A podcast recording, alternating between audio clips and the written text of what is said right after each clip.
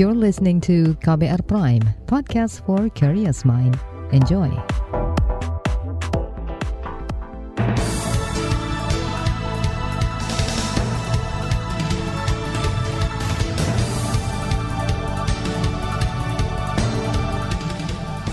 Selamat pagi saudara, senang sekali kami bisa menjumpai Anda kembali melalui program Buletin Pagi edisi Selasa 1 Desember 2020 bersama saya Sindu Darmawan. Sejumlah informasi pilihan telah kami siapkan di antaranya penerapan PSBB yang tidak konsisten jadi penyebab lonjakan kasus COVID-19. TNI kerahkan pasukan khusus untuk tangani kelompok Mujahidin Indonesia Timur. Ribuan orang mengungsi akibat erupsi Gunung Ili Lewatolok di NTT. Inilah Buletin Pagi selengkapnya. Terbaru di Buletin Pagi. Saudara jumlah kasus aktif COVID-19 di Indonesia terus memecahkan rekor. Pada hari Minggu kemarin, kasus penularan melebihi 6.000 orang per hari. Sebelumnya hampir sepekan lebih penularan kasus rata-rata 5.000 per hari. Jakarta dan Jawa Tengah merupakan dua provinsi dengan angka penularan tertinggi dibanding daerah lainnya. Juru bicara Satgas Penanganan COVID-19 Wiku Adhisa Smito meminta seluruh pemerintah daerah mengevaluasi peningkatan tren kasus positif Pemda juga diminta mengevaluasi dan memperbaiki 3T atau tes pelacakan dan penanganan pasien virus corona. Saudara saat ini akumulasi kasus konfirmasi positif virus corona di tanah air mencapai lebih dari 530 ribu orang. Dari jumlah itu, 450 ribu lebih sembuh dan hampir 17 ribu orang meninggal. Kemarin ada penambahan kasus lebih dari 4.600. Di hari yang sama, ada 130 orang meninggal akibat corona. Rumah sakit darurat COVID-19 Wisma Atlet khawatir terjadi lonjakan jumlah pasien hingga akhir tahun. Kekhawatiran itu timbul melihat adanya tren peningkatan kasus yang signifikan. Kepala Sekretariat RSD COVID-19 Wisma Atlet, Cahya Nurobi mengatakan, kurva penambahan kasus semakin curam dalam seminggu terakhir.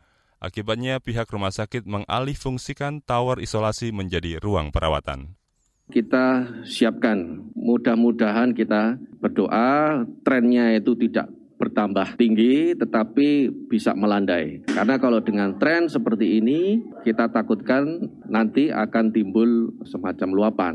Ya, mudah-mudahan tidak terjadi seperti itu dan kita tetap siap siagakan. Kepala Sekretariat RSD COVID-19 Wisma Atlet Cahya Nurobi merinci saat ini ada sekitar 3.500-an pasien yang dirawat. Tingkat keterisiannya untuk isolasi mandiri sudah mencapai 80 persen, sedangkan tower untuk perawatan pasien sudah terisi lebih dari 50 persen. Saudara Presiden Joko Widodo menginstruksikan seluruh kepala daerah fokus menurunkan penambahan kasus COVID-19, terutama di DKI Jakarta dan Jawa Tengah yang lonjakan kasusnya tinggi.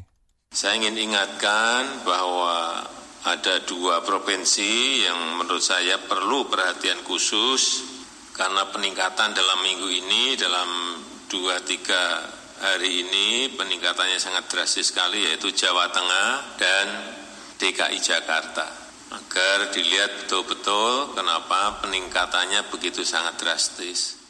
Presiden Jokowi mengingatkan lagi salah satu tugas kepala daerah yaitu melindungi keselamatan warganya, sebab keselamatan warga merupakan hukum tertinggi. Saudara pemerintah Provinsi Jawa Tengah mengaku sudah melakukan tes usap atau PCR sebanyak lebih dari 70 ribu tes pada pekan kemarin. Kepala Dinas Kesehatan Jawa Tengah Yulianto Prabowo mengklaim jumlah tes itu melampaui standar tes COVID-19 yang ditetapkan Organisasi Kesehatan Dunia WHO, yaitu 34 ribu. Kata dia, tingginya kasus positif di Jawa Tengah dipengaruhi juga tingginya jumlah tes virus corona. Sementara itu di Jakarta, kasus penularan harian COVID-19 mencapai hampir 1.100 orang pada Senin kemarin. Total ada lebih dari 136 ribu kasus secara akumulasi. Pekan lalu, kasus penularan di Jakarta rata-rata di atas 1.000 per hari, bahkan pernah menyentuh 1.500 kasus lebih. Sejumlah pejabat juga tertular di antaranya Wakil Gubernur DKI Ahmad Riza Patria. Saat ini ia menjalani isolasi mandiri. Tertularnya Riza membuat Pemprov menutup sementara gedung BE Kompleks Balai Kota Jakarta untuk sterilisasi selama tiga hari. Selain itu, tingkat kematian akibat COVID di ibu kota juga tinggi, yakni 8,7 persen, jauh di atas standar Badan Kesehatan Dunia WHO, yaitu tidak lebih dari 5 persen. Saudara bertambahnya jumlah kasus COVID-19 berdampak pada kekurangan jumlah tenaga kesehatan. Hal itu terjadi di daerah istimewa Yogyakarta. Bahkan Gubernur DIY Sri Sultan Hamengku Buwono ke-10 meminta Pemprov DKI Jakarta membantu mengirimkan tenaga kesehatan. Dengan kenaikan ini, kita minta bantuan dari Jakarta untuk 100-150 dokter sama nurse sama perawat dengan harapan bisa mencukupi di sini. Gubernur DIY Sri Sultan Hamengku Buwono X juga mengumumkan perpanjangan status tanggap darurat bencana COVID-19 Perpanjangan ketujuh kalinya itu berlaku mulai hari ini hingga akhir tahun nanti. Sultan menuturkan hampir 6.000 kasus COVID-19 terjadi di semua kabupaten kota. Lonjakan kasus COVID-19 di sejumlah daerah dikarenakan penerapan pembatasan sosial berskala besar PSBB yang tidak konsisten. Dewan Pakar Ikatan Ahli Kesehatan Masyarakat Indonesia IAKMI, Hermawan Saputra mencontohkan kasus penularan di DKI Jakarta dan Jawa Tengah. Menurutnya, angka yang terlihat saat ini hanya di level permukaan. Ia memperkirakan kasus nyata sudah lebih dari 2,5 juta kasus positif COVID-19 kebijakan satu-satunya kita PSBB, tetapi tidak ada yang menjalankan PSBB secara konsisten. DKI pun sudah menyebutnya transisi dan itu longgar sekali. Nah, jadi uh, belum lagi dikaitkan dengan analisis uh, sosio uh, politik ya kaitan pilkada. Yang kedua, kita punya aktivitas sosio ketenaga kerjaan, demonstrasi terkait dengan Undang-Undang Cipta Kerja, belum lagi aktivitas sosial pariwisata, keterbukaan lokasi di mana-mana, belum lagi sosial keagamaan, ya, heboh, heboh Habib Rizik dan lain-lain Dewan Pakar Ikatan Ahli Kesehatan Masyarakat Indonesia Hermawan Saputra menambahkan, tiga bulan terakhir merupakan periode yang cukup sibuk di tanah air. Apalagi bulan ini akan ada pilkada dan agenda libur akhir tahun. Hermawan khawatir dua hal itu bisa memicu kerawanan penularan COVID-19 yang semakin masif. Saudara TNI hari ini terbangkan pasukan khusus untuk tuntas tuntaskan kelompok Mujahidin Indonesia Timur. Informasinya usai jeda, tetaplah di Buletin Pagi KBR. You're listening to KBR Pride, podcast for curious mind. Enjoy!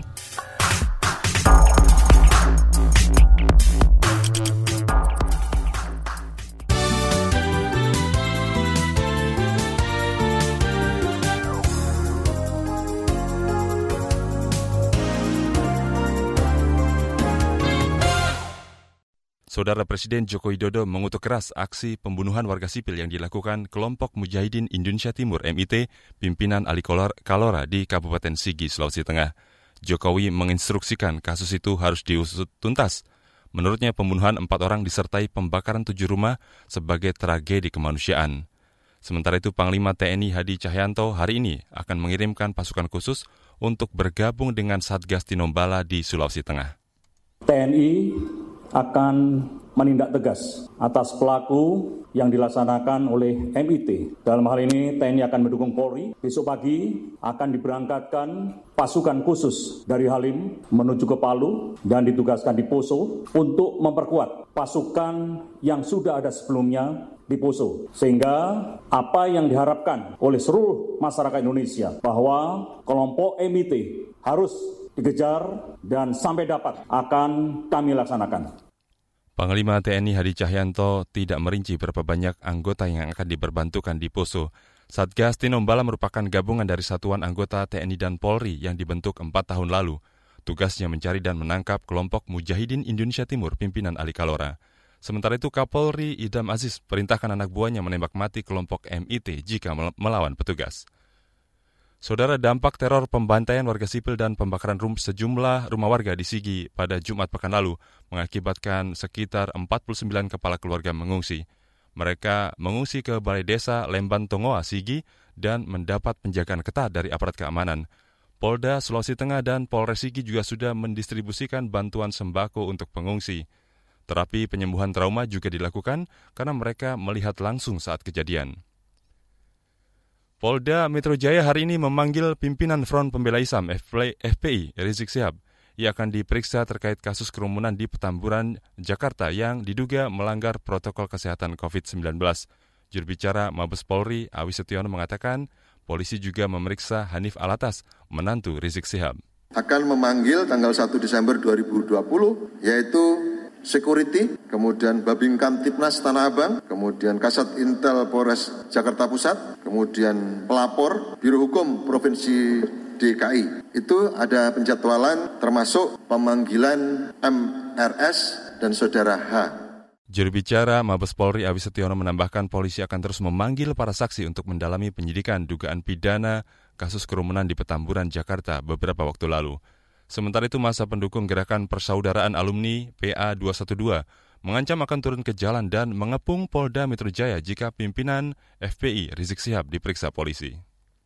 Kita ke soal lain, Saudara Direktur Eksekutif Wahana Lingkungan Hidup Walhi menolak ratusan proyek strategis nasional PSN yang sudah direncanakan pemerintah. Direktur Eksekutif Walhi Nur Hidayati menilai proyek-proyek PSN itu dikhawatirkan merusak lingkungan.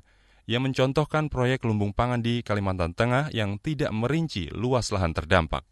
Pembangunan sektor kawasan. Semula ada 28 proyek, eh, di Perpres baru ini ada terdapat 18 proyek pada sektor kawasan. Dan di 18 proyek ini uh, ada proyek baru yaitu kawasan industri Pulau Obi, Weda Bay, Takalar, dan kawasan industri terpadu Batang, Jawa Tengah. Jadi kalau kita lihat itu Obi, Weda Bay itu kaitannya dengan tambang ya. Takalar ini sawit ya.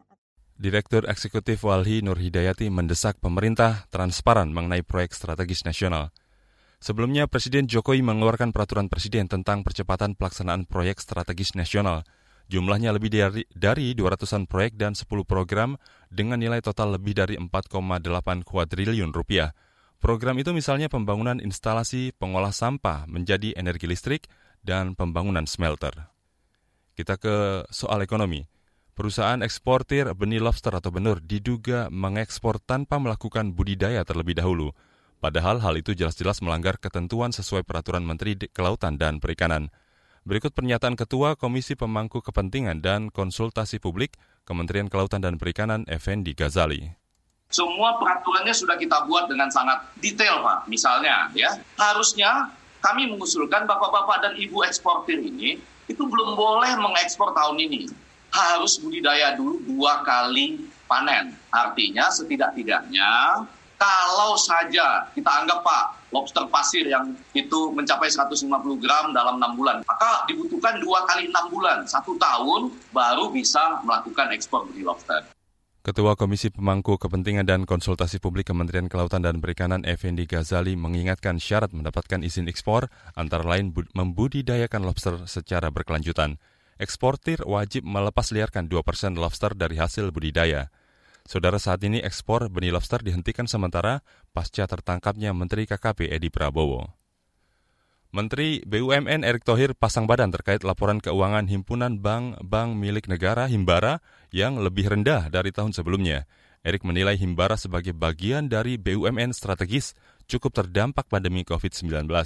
Karena itu Himbara kehilangan pendapatan atau revenue yang cukup besar.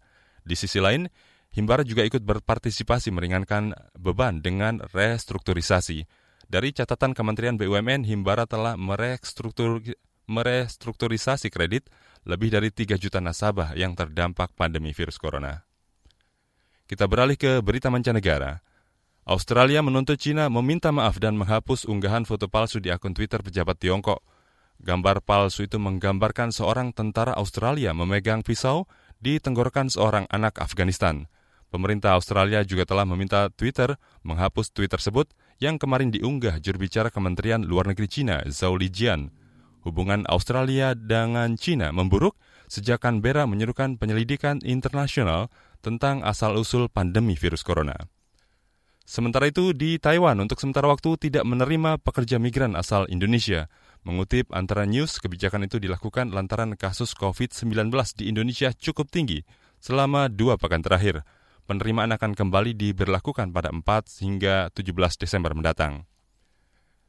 Seorang perempuan Singapura, Shelin Eng Chan, melahirkan bayi dengan memiliki antibodi COVID-19 pada awal November lalu. Menurut dokter anak yang menangani, Selin bukan hanya melahirkan anak yang bebas dari corona, tapi juga memiliki antibodi untuk melawan virus tersebut. Kita ke berita olahraga. Federasi Sepak Bola ASEAN AFF menyatakan cabang olahraga futsal dan sepak bola pantai akan dipertandingkan di SEA Games tahun depan di Vietnam. Sebelumnya sudah empat kali futsal dikompetisikan di SEA Games yaitu tahun 2007, 2011, 2013, dan 2017. Selama periode itu, Thailand selalu mendapatkan medali emas untuk nomor putra dan putri. Untuk sepak bola pantai, SEA Games tahun depan akan jadi kompetisi perdana sepanjang sejarah SEA Games. Juara Grand Slam tiga kali asal Jepang, Naomi Osaka, menjadi inspirasi karakter manga baru yang akan terbit di edisi majalah Nakayoshi akhir bulan ini. Melalui cuitan di media sosialnya, Naomi menjelaskan manga baru itu berjudul Naomi Tenkachi yang tak tertandingi. Naomi adalah petenis yang memang gemar membaca manga dan menonton anime. Laporan khas KBR bertajuk menyoal mekanisme baru pencairan dana bantuan operasional sekolah akan hadir usai jeda. Tetaplah di Buletin Pagi KBR. You're listening to KBR Pride, podcast for curious mind. Enjoy!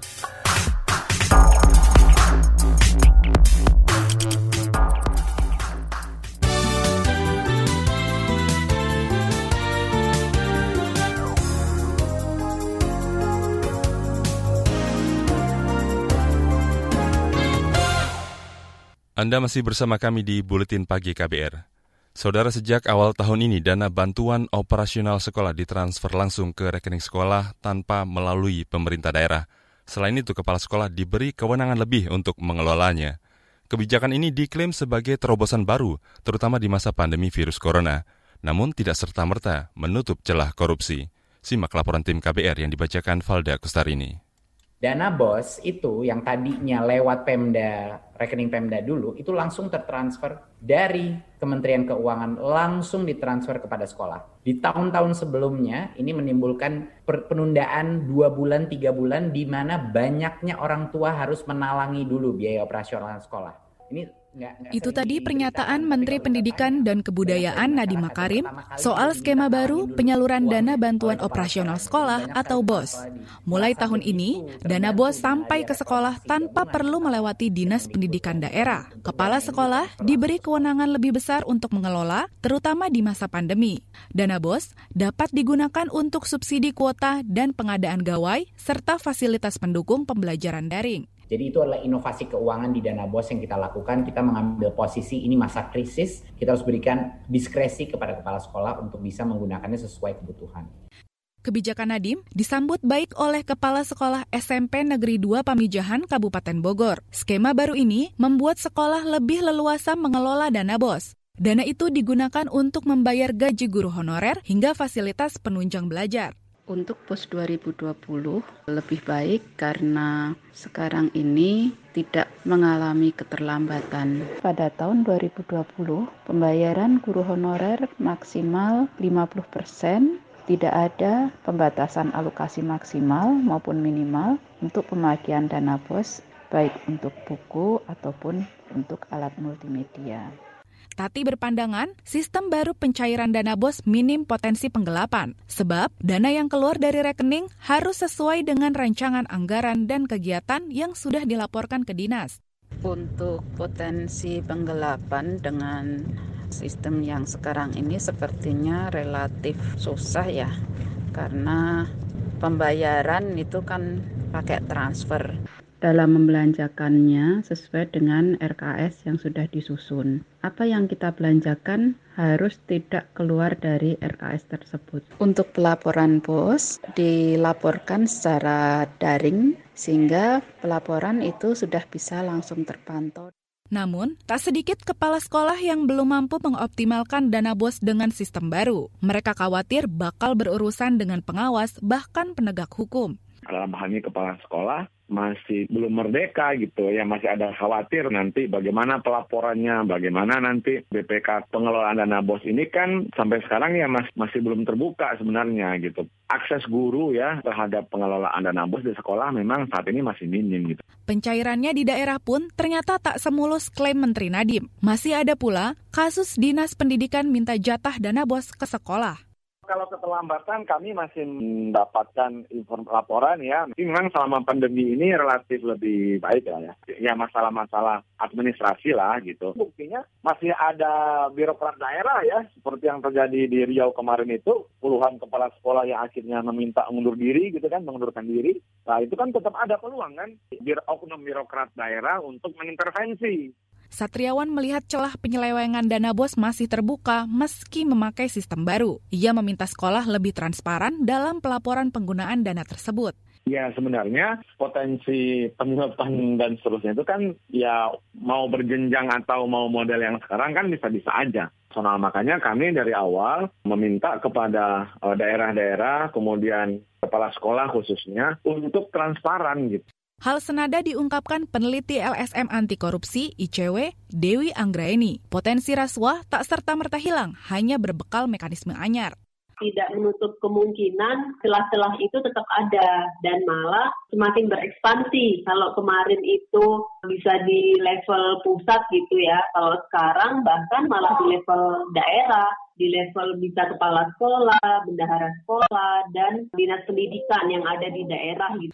Malah menurut Dewi, tren korupsi dana bos lima tahun terakhir dilakukan oleh pihak sekolah dari 2015 sampai 2020 semester 1 begitu ya. Untuk sektor dana bos itu kami menemukan ada 35 kasus. Kebanyakan pelakunya adalah kepala sekolah dan bendahara sekolah. Yang mana modusnya adalah kebanyakan penyalahgunaan anggaran, bukan di sektor uh, pengadaan. Di samping itu, celah intervensi Dinas Pendidikan Daerah juga tetap besar. Itu sebab pengawasan tak boleh kendor apalagi di masa pandemi. Kita tahu pandemi seperti ini kebijakannya adalah dialihkan ke penanggulangan COVID juga. Misalnya sekolah tidak melaksanakan kegiatan belajar secara fisik, kemudian dialihkan menjadi online. Nah, hal-hal seperti itu kan seharusnya juga akan mempengaruhi penggunaan dana bos itu. Demikian laporan tim KBR, saya Valda Kustarini. Saudara informasi dari daerah akan kami sajikan usai jeda tetaplah di Buletin Pagi KBR. Commercial break. Ita Biliana, psikolog dari Lembaga Psikologi Terapan UI, memberi pesan kepada teman-teman Broken Home untuk meraih masa depan yang terbaik. Terlepas bagaimana kondisi rumahmu, bukan kondisi orang tuamu, itu ya kamu adalah individu sendiri yang punya hak dan punya kemampuan untuk menentukan nanti ke depannya mau gimana gitu. Jadi apa yang terjadi di belakang kamu tuh it doesn't define who you are atau yes. who will you be gitu aja, who you will be. Simak obrolan selengkapnya dalam podcast Disco Diskusi Psikologi dalam episode Masa Depan Anak Broken Home di kbrprime.id dan platform mendengar podcast lainnya.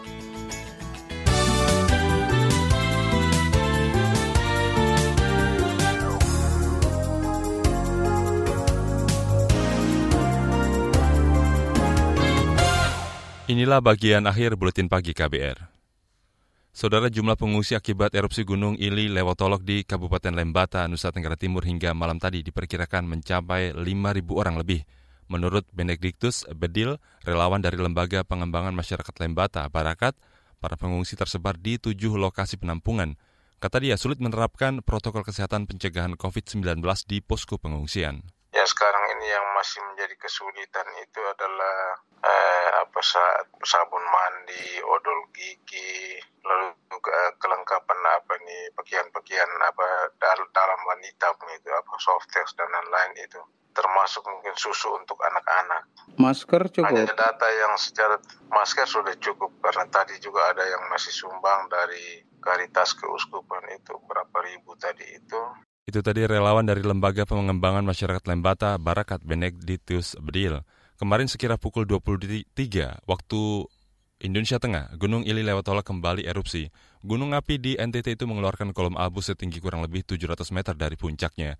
Status gunung juga sudah ditingkatkan dari waspada menjadi level 3 dari si atau siaga. Kita beralih ke info pilkada. Komisi Pemilihan Umum KPU tetap mempertahankan target partisipasi pemilih untuk pilkada tahun ini, yaitu 77 persen lebih. Komisioner KPU Dewa Gede Wiarsa Rakasandi mengakui target partisipasi pemilih untuk memberikan hak suaranya itu tidak mudah untuk dicapai, apalagi di masa pandemi COVID-19 saat ini. Komisi Pemilihan Umum KPU Kabupaten Agam Sumatera Barat menemukan lebih dari 2.700 lembar surat suara pilkada rusak.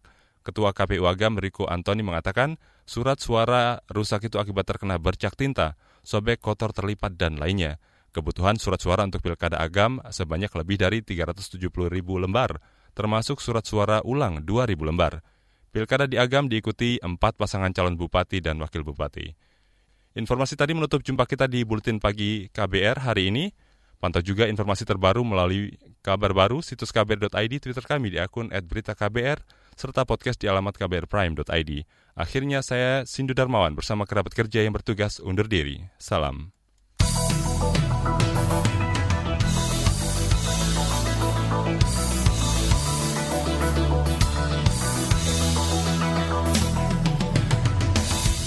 KBR Prime, cara asik mendengar berita. KBR Prime, podcast for curious mind.